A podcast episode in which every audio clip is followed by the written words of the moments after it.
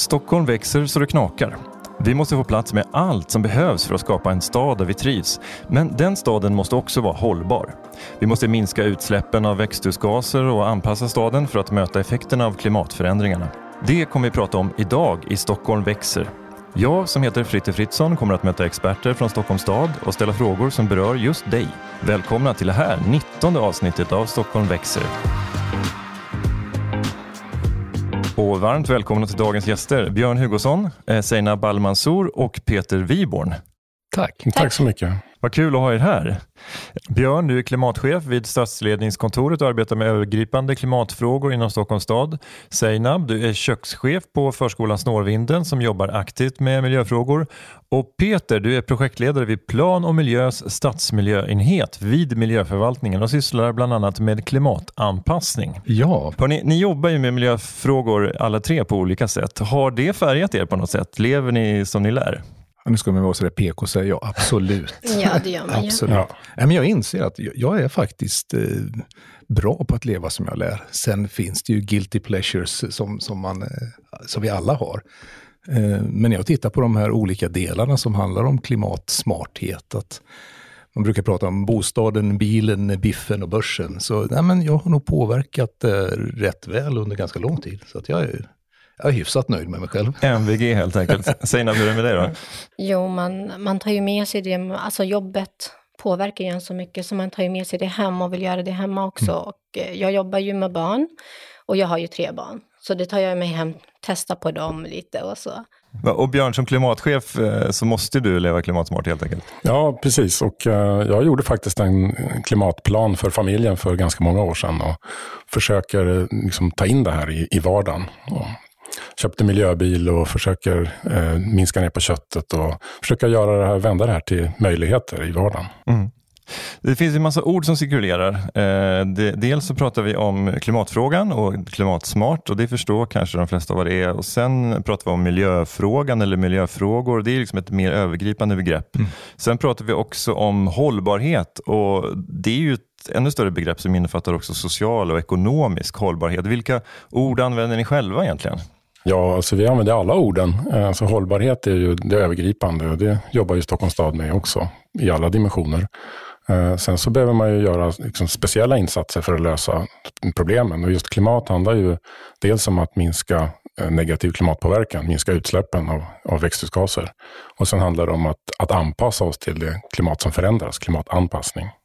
När, när, när ni eh, lagar miljö eller klimatsmart mat, vad, vad, kallar ni det? Jo, men då pratar vi om miljön och vi pratar om hållbarhet och eh, klimatsmart mat och vad det innebär. Och vi försöker få det till barnen också, så vi pratar på barnens nivå vad matsvinnet innebär. Vi tänker väldigt mycket på hur vi ska kunna få det här budskapet till barnen. För att jag kan inte komma med siffror till dem eller säga växthusutsläppen. Det blir ju jättesvårt för dem. Så då använder ju väldigt mycket miljön och planeten. Mm. Mm. Så är de begreppen vi använder. Det kanske vi ska använda idag också för att uh, hitta rätt nivå. Mycket bra. Vi står ju inför stora utmaningar, det vet vi, de kommande decennierna. Vi har sett uh, extremväder de senaste åren i form av stormar, skyfall, översvämningar och ökenvärme. Det här är ju en ödesfråga, inte bara för Stockholm, utan för hela planeten. Men vi måste ju börja lokalt. Hur ser det ut i Stockholm egentligen? Ja, vi har ett miljöprogram som eh, slår fast alla målen. Vi har sju stycken prioriterade miljömål i Stockholm. Eh, klimat är ju en jätteviktig del av det här programmet. Så vi har ju ett mål att bli eh, fossilfria och klimatpositiva 2040.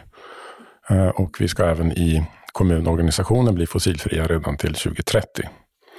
Eh, så det är ju de mål vi utgår ifrån. Och sen utifrån det här så jobbar vi med alla möjliga åtgärder, aktiviteter och handlingsplaner för att mm. nå det här. Vilka är de viktigaste åtgärderna för att eh, bli fossilfria? Ja, det, ju, det finns ju olika källor till växthusgasutsläpp som vi måste jobba med lokalt här i, inom kommungränsen. Och eh, när det gäller värmesystemet så har vi ju en fjärrvärme i Stockholm som täcker 80 procent av bostäderna. Det är ett väldigt stort system, så det berör de allra flesta stockholmare. Och där har man ju fasat ut den fossila energin nästan helt. Så det som återstår där är en del eh, förbränning av avfall där det ingår plast. Så att där har vi en del att göra. Och så är det trafiken då förstås med eh, bensin och diesel i fordon. En hel del har hänt. Vi har mycket kollektivtrafik och cykelbanor och möjligheter att resa hållbart. Men där återstår en hel del. Just det. Men den här fjärrvärmen som produceras, då, vad är det som eldas då förutom sopor? Dels är det eh, restavfall från skogsindustri, så att det är bioenergi. Och sen tar man tillvara spillvärme, eh, till exempel värmen i avloppssystemet, värme från datahallar och sånt där. Så man försöker bygga ett smart värmesystem.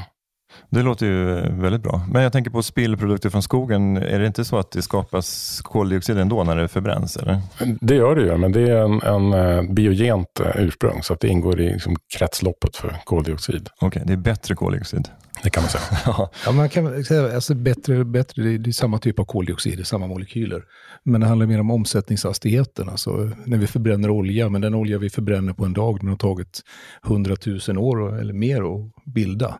Medan då förbränner vi samma mängd energi från, från eh, biobränslen så kanske det tar 50-100 år att mm. bilda. Mm. Så att, och de växande träden tar ju också upp den här koldioxiden på sikt. Så att ja, det blir ett utsläpp här och nu under kort tid, men det handlar om tiotals år snarare än tusentals eller hundratusentals år istället. Och det är den stora skillnaden. Just det. Men de här lite mera reaktiva åtgärderna för att hantera de klimatförändringar vi redan ser, vad gör Stockholm eh, där egentligen? I år, eller egentligen förra året, så, så kom Stockholms första handlingsplan för klimatanpassning. Och det utgår ifrån att klimatet förändras, särskilt mycket kanske på våra breddgrader. Eh, beräkningarna visar ju, eller mätningarna visar att vi har fått i medeltal 1,2 grader högre medeltemperatur i Stockholm. Eh, 2020 var det varmaste året någonsin. Det var ungefär 3 grader varmare än medeltemperaturen. 2018 känner vi igen. Det var den längsta värmeböljan vi har haft sedan 40-talet. Jag tror det var 25 dygn över 25 grader. Det är en aspekt. Den andra delen handlar ju om, om skyfall. Att eh, regnen kommer intensivare under längre perioder, under andra perioder än vad de gjort tidigare.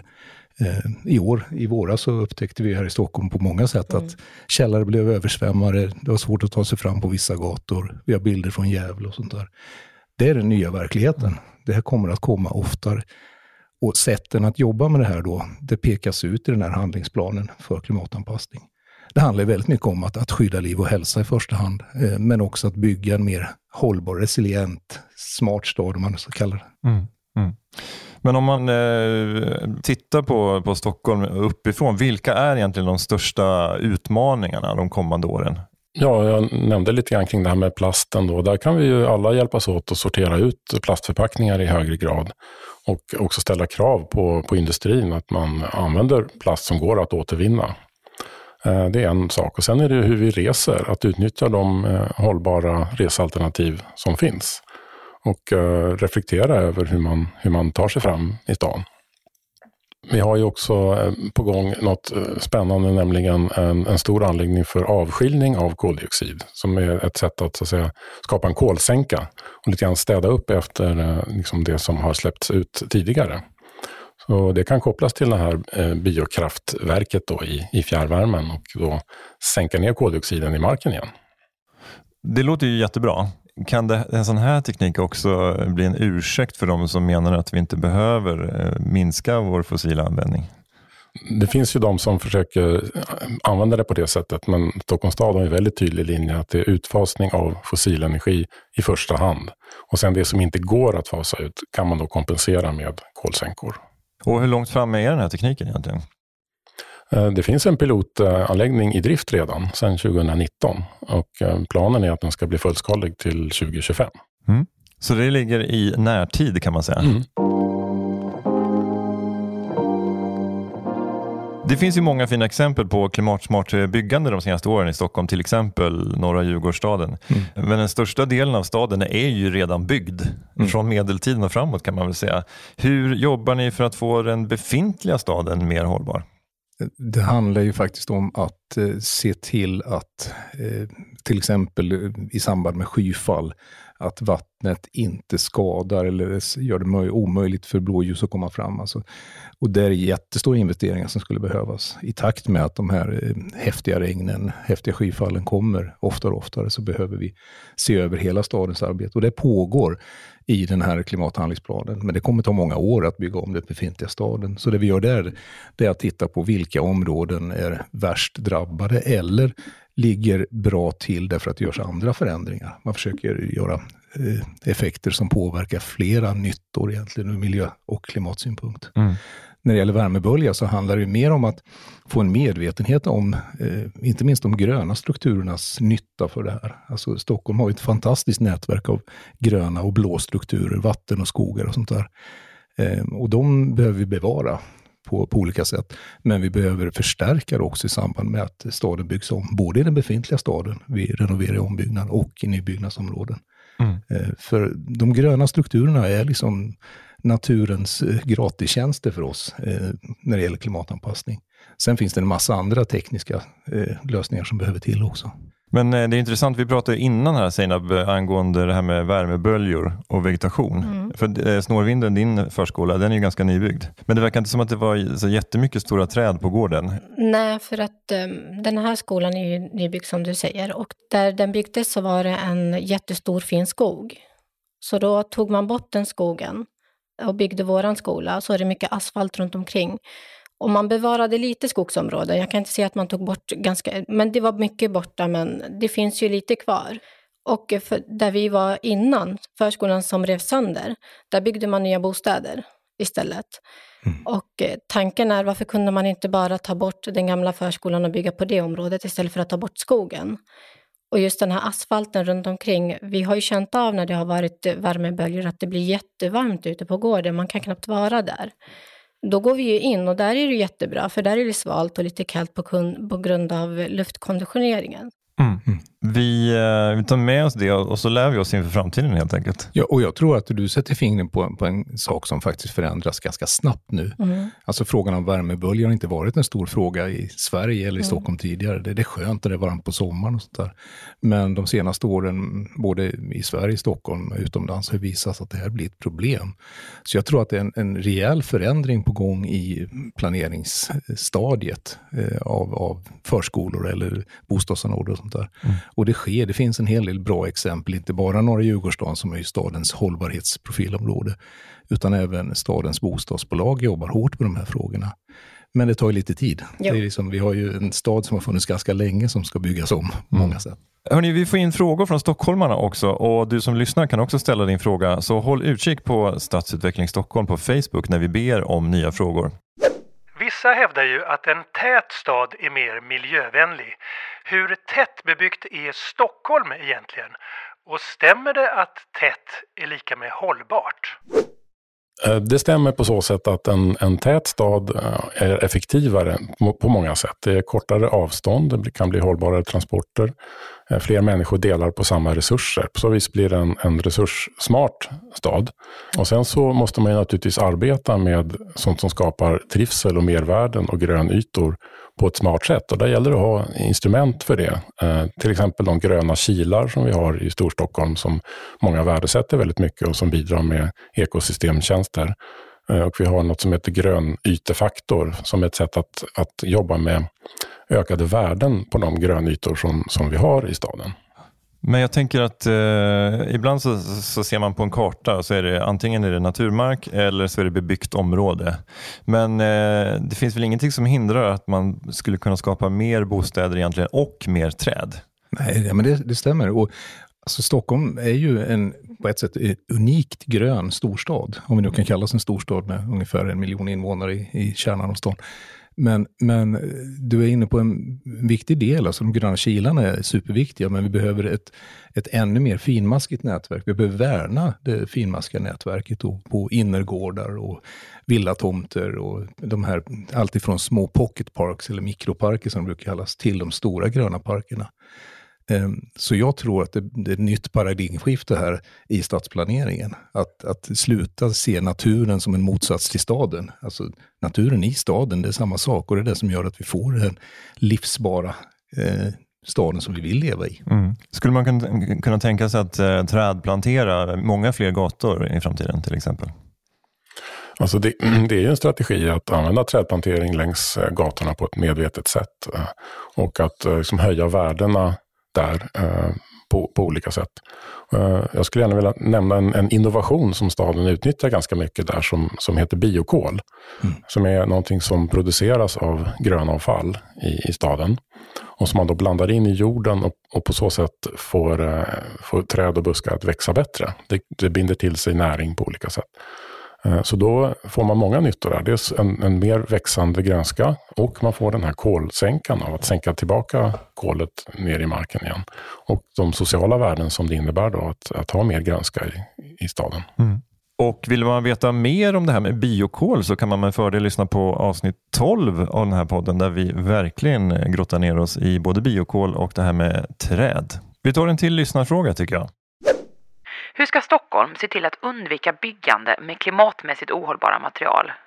Det finns nu mycket handlingsplaner i stan. Alltså det, det märks att eh, man har kommit upp ur startblocken ordentligt eh, i planeringen i stan. Och det senaste i raden av handlingsplaner handlar om cirkulärt byggande. Eh, alltså se till att de material som används vid byggandet dels kan återbrukas eh, så lokalt som möjligt eller då från, från olika rivnings eller tunnelprojekt. Eller sådär. Men också att titta på varje materials eh, inneboende klimatavtryck. så att säga. Eh, och här sker mycket, både inom staden på planering, men framförallt ifrån flera av de stora byggaktörerna är långt framme på det här. Sen ska man komma ihåg att när man bygger en stad så är det en väldigt lång planeringsprocess. Det vi bygger nu, det planerades kanske för 10 år sedan eller 15 år sedan eh, av olika anledningar. Så att det, vi behöver skynda på med det cirkulära byggandet också som mm. det benämns då. Men det här med cirkulärt byggande, alltså mycket byggs i stål och betong till exempel. Är det material som, som vi ska fasa ut eller vad, vad ska vi, hur ska vi tänka där? Ja, eh, alltså, det är ju bra, det är ju bättre ur klimatsynpunkt att bygga med trä. Eh, stål och betong kommer vi ju säkert att behöva, men då kan man ju ställa klimatkrav på dem. Att de är återvunna, att det är fossilfritt stål och så vidare. Nu tänkte jag att vi ska bli lokala. Seinab, du och dina kollegor har ju jobbat medvetet med hållbarhetsfrågor i köket på förskolan Snårvinden. Kan inte du berätta lite grann hur det började och vad ni gör? Alltså det hela börjar med att eh, vi har ju också mål. Och ehm, de första tre målen var ju att öka det ekologiska, att eh, vi ska kunna försöka att jobba mot matsvinn och sen minska på köttet och öka de vegetariska maträtterna. Och det första vi tänkte då var, men var ska vi börja? Stora förändringar är ju jätteläskiga. Det går ju inte. Så då tänkte vi att vi börjar med eh, maten. Vad kan vi göra där? Hur ser våra matsedel ut? Och då tänkte vi att det första vi ska göra, vi ska inte utnämna vegetariskt till en speciell dag, för att då blir det jättefel. Och vi behöver ju få med oss alla, vi behöver få med oss föräldrarna, barnen och pedagogerna. Och då började vi med pedagogerna. Vi berättade här i våra mål det kommer ske förändringar och vi vill jättegärna ha feedback. Vad tycker barnen? Vad går? Vad går inte? Alltså det här är någonting vi har jobbat med snart, eller jag har jobbat med snart i tio år. Och vi gick från kanske två vegetariska rätter i veckan till att vi idag äter kanske, på en månad så är det två till tre kötträtter. Så vi har minskat rejält Um, och de gånger vi äter kött så är det bra svenskt kött närproducerat. Så vi har inte tagit bort köttet, men vi väljer att äta bättre kött. Så är bättre för klimatet och för vår hälsa. Mm. Och fisk? Uh, fisk har vi också, det är någonting vi måste ha och det har vi en gång i veckan. Så det blir en gång fisk och kanske fyra dagar vegetarisk eller tre dagar vegetarisk och en kött och en fisk. Um, när vi började så, så kom vi på att nu tillåter ju budgeten också att öka ekologisk. Och helt plötsligt var vi uppe på 93 procent ekologisk. Men det har ju på grund av de här klimatförändringarna, värmeböljorna, torkan, skyfallen, så har vi märkt också att när vi handlar in på våra upphandlingar så har väldigt mycket livsmedel försvunnit, det finns inte. Eh, det har blivit väldigt eh, höga priser och då pratar vi inte om 3-4 kronor utan det är 10-20 kronor dyrare. Och ska man handla till en förskola på 120 portioner varje dag, då blir det ju dyrt. Så det är svårare idag att, att köpa in helt ekologiskt än vad det var för några år sedan? Ja, det jag säger att det är lite svårare nu. Jag tänker på kaffet. Många pratar om att det kommer bli svårt att köpa kaffe och så. Vi kände ju av det. Under en viss period så fanns det inte det, det ekologiska kaffet vi alltid brukar köpa. Så vi var tvungna att ha ett annat kaffe. Barnen blev tokiga? Nej, det var, väl, det var väl vi mer som blev tokiga. Det är klart att, det är klart att kockarna och pedagogerna måste ha kaffe. Eh, ja, eller hur? Ja. Kockarna måste ju må bra. Ja, precis. vi måste kunna jobba. Ja. Men sen kommer vi till den här frågan med matsvinn. Och vi har ju en plattform där vi måste nå barnen. Vi har någonting som heter matkunskap. Där kommer ju barnen in. Jag tror att det är flera förskolor som har det. Och där är det tanken att barnen ska få vara med och göra någonting. Då börjar vi tänka hur kan vi nå barnen på ett bättre sätt. Eh, om barnen kommer in till oss, då måste det ju vara meningsfullt, det måste vara en lärande stund. Och då kom jag på att jag ställer fram lite mogna bananer, lite bruna bananer. Vi ska göra en smoothie. Och så låter jag barnen få liksom utforska och fråga. Och då frågade jag, vad gör vi med de här bananerna? Och det första de sa att man, man kan inte äta dem, de ska slängas. Ett annat barn sa, nej man slänger inte om inte det är mögligt och grönt. Mm. Och då, då, då förstår man ju alltså hur barnen lär som oss vuxna, de gör efter oss. Och då förstår man hur det ser ut hemma hos dem när man ser sådana bananer. Men ska vi skala dem och se hur de ser ut inuti? Och så skalade vi, de var fina, de var vita, de var jättegoda och smoothien blev extra söt. Och eh, då kom vi fram till punkten att bruna bananer är mogna bananer istället. Och så pratade vi om, eh, vi har ju en, vi har tur att vi har en nybyggt förskola och vi har ju matkvarn. Och då tänkte vi, hur ska vi kunna utnyttja det till barnen så att de får in det också? Men vad gör vi med bananskalen då? Då, ja, men då sa ett barn att man återvinner dem. Ett annat barn sa, nej vi kastar dem i papperskorgen. Och då kom den biten in. Mm. Och då sa vi, nej men bananerna tar man, bananskalarna tar man, vi slänger ner dem i en maskin. Och sen kommer den här maskinen mosa dem, åker ner i marken och så blir det biogas och bussarna kan åka. Och då var köket plötsligt magiskt för barnen. och det här är sånt som de tar med sig hem och läxar upp sina föräldrar lite. Ja. Och föräldrarna blir jättenyfikna och kommer till oss och frågar vad är det som händer? Barnen frågar. Um, vad är det ni jobbar med? Och då får vi man hela den punkten. Då är det kök, förskola och hemmet som samarbetar mm. mot en mer klimatsmart mat. Ja, men det är jättehäftigt. Här. Det, fin det finns en man, eh, följde för några år sedan, som forskade på barns förståelse av naturvetenskapliga processer. Mm. Och hans exempel var just det här, barn som liksom lär sig i praktiken, det här om kretslopp och liksom hur saker fungerar. De eh, har stora förutsättningar att bli nobelpristagare, eller de fattar åtminstone det, det periodiska systemet, kemi eller de ja. större. Och det är de som Seinab utbildar helt enkelt? Absolut. Mm, för vi tänker lite mer så här att barn barns, barn sätter sina matvanor ganska vid tidig ålder. Om vi är där och påverkar, då har vi ju barn som lever mer klimatsmart och en hel generation som tänker på klimatet kanske utan att ens de mm. tänker på det. Att det mm. faller så naturligt att äta mer växtbaserad mat och mindre bättre kött. Mm. Det här känns ju väldigt inspirerande. Björn, du som jobbar med de här frågorna mer övergripande, hur kan ni stötta de här initiativen inom stadens olika verksamheter? Ja, dels så kan vi jobba med de här, de här handlingsplanerna som jag har nämnt, att, att beskriva hur kan olika verksamheter jobba med klimatfrågan. Eh, och det du berättar Seinab är fantastiskt viktigt att lägga den här grunden för hur barnen uppfattar eh, klimat och hur man kan arbeta i praktiken och sådär. Eh, och vi ser ju också genom att mäta hur det går. Vi har ju ett antal indikatorer i staden som man följer så att säga, utvecklingen. Och då har vi en ganska ny indikator som handlar just om inköpta matens klimatpåverkan. Och vi ser ju tydligt hur den där har gått ner, alltså över tiden, de senaste åren. Och det är mycket tack vare stadsdelsförvaltningarnas eh, trägna arbete med just det här du berättar. Ja, just det. Men om man vill eh, veta mer om eh, hur det ser ut i Stockholm på miljöområdet, hur eh, gör man då? då?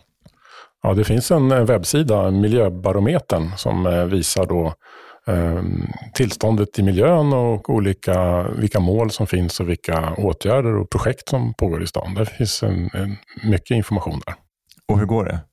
Ehm, det går bra på många sätt. Ehm, utsläppen av växthusgaser är ju nere på 1,7 ton per stockholmare idag, om man räknar de direkta utsläppen. Och det är ju eh, globalt sett en väldigt bra siffra. Mm. Eh, så att vad som händer nu är att fokus börjar gradvis flyttas över mera mot det man kallar konsumtionsbaserade utsläpp, där maten är ett jättebra exempel. För där sker ju utsläppen någon annanstans i världen, där maten produceras. Mm. Ja, men det är viktigt att komma ihåg det här. Alltså när, vi, när vi säger de här 1,7 tonnen så är det ju från uppvärmning, transporter och elanvändningen i stan. Eh, och just konsumtionen är ju en allt större del att jobba med och svårt att komma åt. Jag menar, staden kan ge möjligheter för, för medborgare eller för alla som bor i Stockholm att, att göra rätt. Så det, men man kan ju inte säga att ni ska göra så här. Men jag tror att konsumtionen, precis som du säger Björn, det är liksom en av de stora utmaningarna här. Måste jag verkligen klicka hem det här ifrån nätet? Och vad för mat är det jag köper? Liksom? Och det, det finns ju många aspekter på det också. Jag tänker att de gånger jag har haft föreläsningar och studiebesök från andra kockar mm. så har de tyckt att den här frågan är väldigt het. De vill jobba mer klimatsmart, men de vet inte hur. De behöver en vägledning. Mm. Så jag tänker att nästa steg kanske är som du säger Björn, att man ska utbilda, sprida kunskapen, försöka få med sig mer på tåget. För vi som jobbar inom offentliga sektorn, vi, vi gör ju en stor skillnad. Det är stora portioner som putsats ut, det är mycket matsvinn som vi kan hantera. Men du, eh, du, du, du, berättar att du föreläser, eh, men känner du att Stockholms stad utnyttjar eh, den resurs som ni på Snårvinden ändå är? Att ni har på något sätt gått före, alltså att sprida det liksom på alla förskolor och skolor i Stockholm? Alltså vi har försökt att nå ut och komma ut. Vi har gjort en, en bok om det arbetet vi gör som vi har delat ut inom Hässelby Vällingby. Um, vi har en liten folder till alla föräldrar som kommer med nya inskolningar där det står specifikt bara om köket, hur vi jobbar, hur vi tänker, eh, vad som gäller för maten, varför vi har så mycket krav, varför vi har så mycket ekologiskt och eh, varför vi jobbar så mycket med vegetariskt. Mm. Så det är också en information och kunskap som vi sprider ut till föräldrarna. Och varför vi jobbar med eh, hur mat, klimat och energi håller samman och lär ut det till barnen. Nu har vi hört hur ni jobbar med klimatfrågan på Snårvinden, men har ni några fler goda exempel som visar hur staden arbetar? Ja, men jag skulle gärna vilja lyfta upp en, en ganska stor teknisk omställning som sker nu och det är det här med elektrifiering av trafiken. Mm. Mm. Där jobbar staden med att möjliggöra för stockholmarna att köra elbil i högre utsträckning. Vi har ju ett ganska nyligen antaget eh, mål om en, en utsläppsfri trafik i innerstaden mm. Eh, redan 2030. Och det här kommer ju att kräva att det finns laddmöjligheter där bilarna står över natten. För det är så att säga det rationella sättet att ladda dem på. Mm. Så där har ju staden samarbete då, dels eh, bygger på egna parkeringsplatser men också samarbete med elbolagen att, att möjliggöra det här. Sen tänker jag stadens satsning på cykelinfrastrukturen. Kanonbra. Det, alltså det är inte många städer på våra breddgrader man kan cykla utan dubbdäck eh, eh, under, under vintern. Och det har vi plötsligt blivit vana vid, att det är okej okay att göra så. Och det är jag väldigt tacksam för. Ja, ja. Nej, men jag har kört med, med dubbdäck tidigare, så det är, det är bara plus nu. Liksom. Det låter mycket mindre. Och, Ytterligare ett konkret exempel på klimatanpassningsåtgärder som faktiskt har gjorts redan, det är ombyggnad av Rålambshovsparken. Det var stora problem med översvämningar i samband med skyfall, men där är byggd nu då en slags multifunktionell yta, vilket gör att den ska funka både när det regnar oerhört mycket och i vardagen. Eh, så den kan man gå och kolla på, Rålambshovsparkens skyfallspark där. Andra lösningar som, som är bra exempel, de hittar vi i norra Djurgårdsstaden, både eh, de gröna tak som finns där, eh, försök till gröna väggar, eh, de här växtbäddarna som vi har pratat om tidigare som är lite speciellt utformade där. Så vill man få en visuell upplevelse av hur liksom en mer klimatanpassad stad eller stadsdel ser ut så skulle jag nog rekommendera Rålambshovsparken och så Norra Djurgårdsstaden. Och så tar man med sig lite picknick. Absolut. Ett stort projekt är ju Slussen. Jag tror att de flesta stockholmare kanske tänker att Slussen ja, det är bara liksom en renovering av en trafikapparat, att man ska kunna ta sig från, från eh, Gamla stan till Södermalm. Men Slussen är ju så mycket mer än så. Ja, eh, Slussen är ju ett sätt att reglera vattennivån mellan Mälaren och Saltsjön. Eh, och eh, en, en, viktig del av ombyggnaden nu, det, det handlar just om klimatanpassningen. Att eh, man ska kunna ta hand om en högre vattennivå i Mälaren och släppa ut vatten i mycket snabbare takt. Men också att man ska kunna eh, hantera tillfälliga högre havsnivåhöjningar då i Östersjön. Så att det finns liksom en dubbelriktad dimension i det här. Och sen handlar det om att säkra dricksvattenförsörjningen också Precis. Vi vill inte att det tränger in saltvatten från Östersjön in i Mälaren, för det är ju en dricksvattentäkt för miljoner människor. Och det är den nya Slussen en garant för helt enkelt? Precis. Ja. Hur är det med stockholmarnas engagemang då? Vilken roll spelar våra attityder eh, kring eh, klimatfrågan? det är svårt att säga. Alltså, stockholmarna är ju en månghövdad och mångfacetterad skara. Men, men i stort så har jag i alla fall uppfattningen om att stockholman är en ganska medveten person som vill göra rätt. Och de, många är klimatsmarta och miljömedvetna och sådär. Sen har ju, har ju staden också ett antal sådana här medborgarinriktade och samverkansprojekt eh, som, som drivs på olika mm. sätt, där man försöker involvera Eh, det finns allt ifrån cykelskolor till eh, uthyrning av lastcyklar till företagare för att testa liksom, om man kan använda lastcykel för korsade transporter och sådär.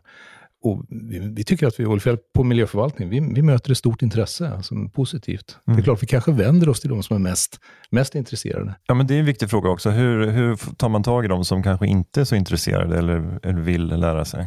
Ja, men här tror jag Seinab och, och hennes kollegor är alltså gå via barnen. Ja, det är lite jobbigt barnen. när treåringen kommer hem och säger att vi ska äta mer vegetariskt. Ja. det är bara att göra. Ja. Men jag tror att, eh, att vi behöver sprida kunskapen mer. Och sen tror jag att många, som jag sa tidigare, många vill men kanske vet inte hur. Så det är mm. mer ut med information, ut med kunskapen till mm. alla. Mm. Mm. Men eh, hur ligger egentligen Stockholm till när det gäller klimat och miljöfrågan generellt? Jämför ni er mycket med andra städer? Ehm, ja, så Stockholm är med i ett antal sådana här internationella nätverk av städer och det finns olika rankingar och så här som man ser. Och ofta så kommer ju Stockholm och andra nordeuropeiska städer väldigt högt i de här rankingarna. Så att eh, Stockholm är en av de som ligger bra till.